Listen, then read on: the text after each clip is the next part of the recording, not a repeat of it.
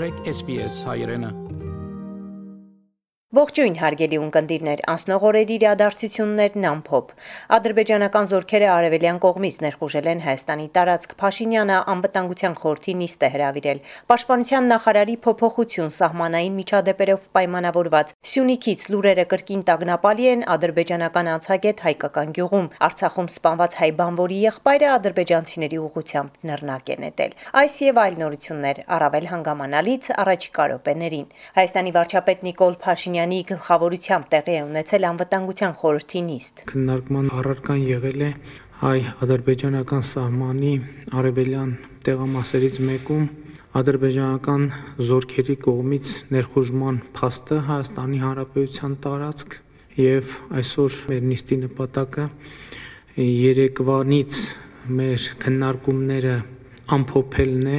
եւ նաեւ մեր հանրությանը ամբողջական տեղեկատվություն տալը տեղի ունեցած իրադարձությունների մասին։ Մինչ այդ ուզում եմ ընդգծել, որ ես որոշում եմ կայացրել Արշակ Կարապետյանին ազատել Հայաստանի Հանրապետության Պաշտպանության նախարարի պաշտոնից եւ այդ պաշտոնում նշանակել Սուրեն Պապիկյանին, ով զբաղեցնում է այս պահին Հայաստանի Հանրապետության փոխվարչապետի պաշտոնը։ Այս որոշումը կայացվել է Երևանից ծավալվող իրադարձությունների վերլուծության արդյունքում Սյունիքի մարզի Ճակատեն համայնքում Ադրբեջանը մաքսակետ է տեղադրում Ճակատեն գյուղից դեպի Կապան տանող ճանապարհին գյուղից 4 կիլոմետր հեռավորության վրա ադրբեջանցիները շինարարական աշխատանքներ են իրականացրել։ Վարչապետ Նիկոլ Փաշինյանը կառավարության նիստում անդրադարձել է Սյունիքում Ադրբեջանի տեղադրած մաքսային կետին, նշելով Ադրբեջանից ոչ պաշտոնական ծանուցում է ստացվել այն մասին, որ իրենք պատրաստվում են նոյեմբերի լույս 11-ի կեսգիշերից մաքսային անցագրային հսկողություն իրականացնել նաև Հայաստանի քաղաքացիների եւ բեռների նկատմամբ օգոստոսից ի դեպ մաքսատուրքեր էին գանձում իրանցի վարորդներից։ Ծանուցումը ստացվելուց հետո մենք որոշում ենք կայացրել այդ հատվածող երթևեկող քաղաքացիներին ուղղորդել դեպի Կապան, Աղվանի, Տաթև, Հալիձոր, Շինուհայր M2 ավտոճանապարհ եւ այստեղով իրականացնել երթևեկությունը։ Այս ավտոճանապարհի Տաթև Աղվանի հատվածը, որը մի քանի տասնյակ տարի գործնականում անանացանելի է եղել, ասֆալտապատվել, շահագործման է հանձնվել նախորդ շաբաթ։ Փաշինյանն ընդգծել է, որ Ադրբեջանը մաքսային կետը տեղադրել է իր տարածքում եւ ոչ թե Հայաստանի։ Խոսքը Էյվազլիի հատվածի մասին է։ Հիմա կարող է այլ հարց ցակել։ Իսկ հնարավոր չէր բանակցել, որ այդ ճանապարհին Հայաստանի քաղաքացիների եւ Բեռների նկատմամբ որևէ սահմանային հսկողություն չիրականացվեր։ Հնարավոր էր, բայց դրա գինը լինելու էր միջանցքային տրամաբանությունը, ինչը անընդունելի է մեզ համար։ Փաշինյանը եւս մեկ անգամ ընդգծել է երբևէ չեն քննարկել ու չեն քննարկելու որևէ միջանցքային տրամաբանություն։ Իդեպ Ադրբեջանը հրադադարից հետո շարունակում է պնդել Հայաստանի տարածքով միջանցք տրամադրելու մասին։ Սա ֆիքսված է փոխվարչապետերի երակո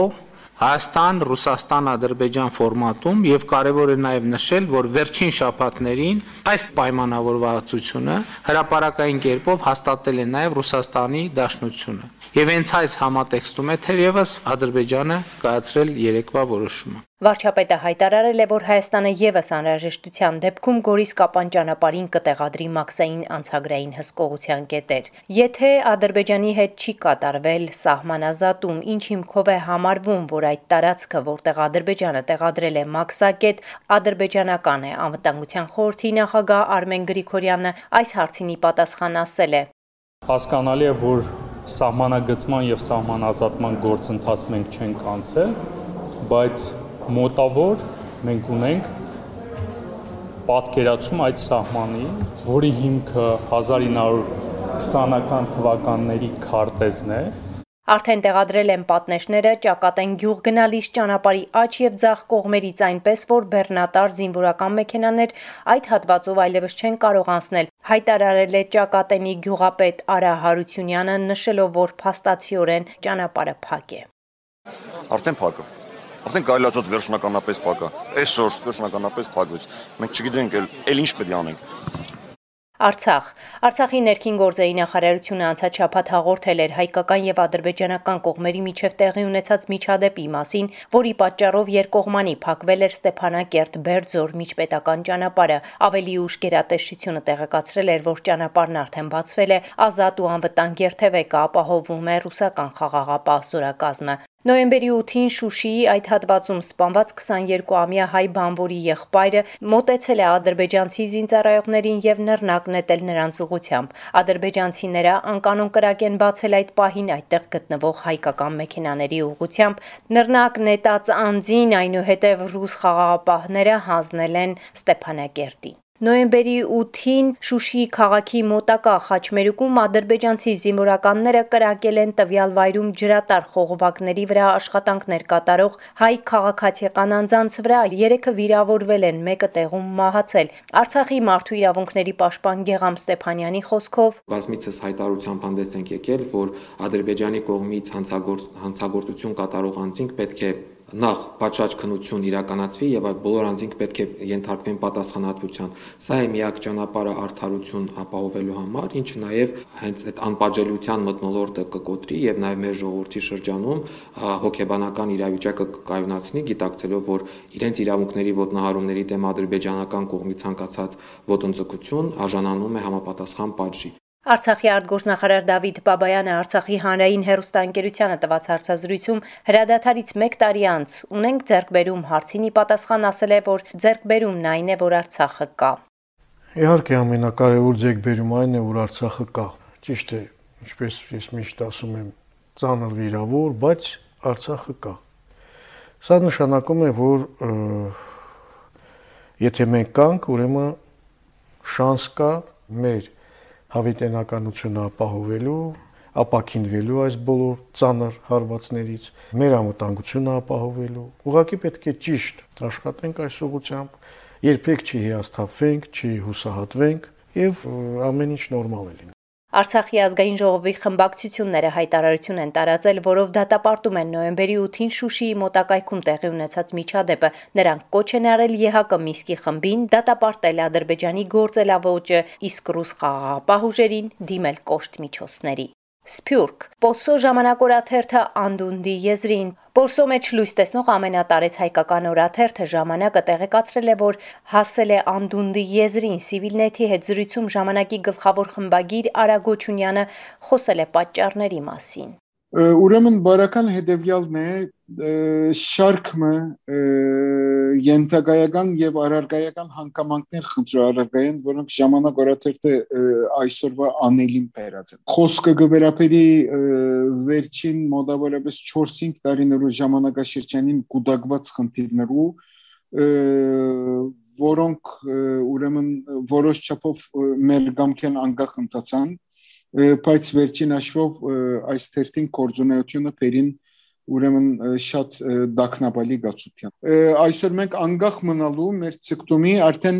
թաժանքինը գվջարենք այդ թաժան իրավիճակին թեման թիման մնացած ենք, որովհետև բոլսահայ իրականությունը այնպիսի ուրեմն աբագանած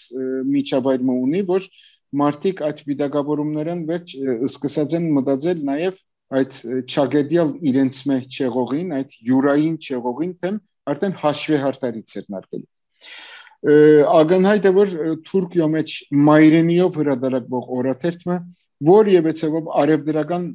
ուրեմն կովաստներ փանոնելու հրադարակելու հերանեկարը չունի Անցած շաբաթ Փարիզ այցելության ընթացքում Հայաստանի արտգործնախարար Արարատ Միրզոյանը նոյեմբերի 11-ին հանդիպում է ունեցել Ֆրանսահայ կազմակերպությունների համակարգող խորհրդի անդամների հետ։ Արտգործնախարարությունը տեղեկացնում է, որ քննարկվել են Հայաստանի արչև ծառացած մարտահրավերները Լեռնային Ղարաբաղի հիմնախնդիրը, Հայաստան-Սփյուռք համագործակցության ու Ֆրանսահայ համայնքին վերաբերող հարցերի լայն շրջանակ։ Նիկոսիայում նոյեմբերի 10-ին պաշտոնապես բացվել է Կիպրոս-Հայաստան բարեկամության այգին։ Բացմանը մասնակիցները շեշտել են, որ Կիպրոսը Հայաստանի բնական դաշնակիցն ու բարեկամն է եւ հայ-կիպրական հարաբերություններում մեծ է կիպրահայ համայնքի դերը։ Եվ վերջում Մեծ Բրիտանիայի համայնքների պալատն առաջին ընթերցմամբ ընդունել է հայոց ցեղասպանության ճանաչման մասին օրինագիծը։ Այս մասին հայտնում է Միացյալ Թագավորության հայդատի հանձնախումբը։ Այսօր պատմական օր է հայկական հարցի առումով հայոց ցեղասպանության մասին օրինագծի առաջին ընթերցման ժամանակ որևէ առարկություն չեղավ։ Հաջորդ ընթերցումը տեղի կունենա 2022 թվականի մարտի 18-ին։ Ասված է հայդատի հանձնախմբի հայտարարության մեջ։ Այսքանը անցնող շաբաթ Հայաստանում Արցախում եւ Սփյուռքում ամփոփեց Գիտա Իլբեկյանը։ Կուզես լսել նման բանություններ, կընտրե Apple Podcast-ի, Google Podcast-ի, Spotify-ի վրա, կամ որտեղեն որ podcast-ը դուք լսես։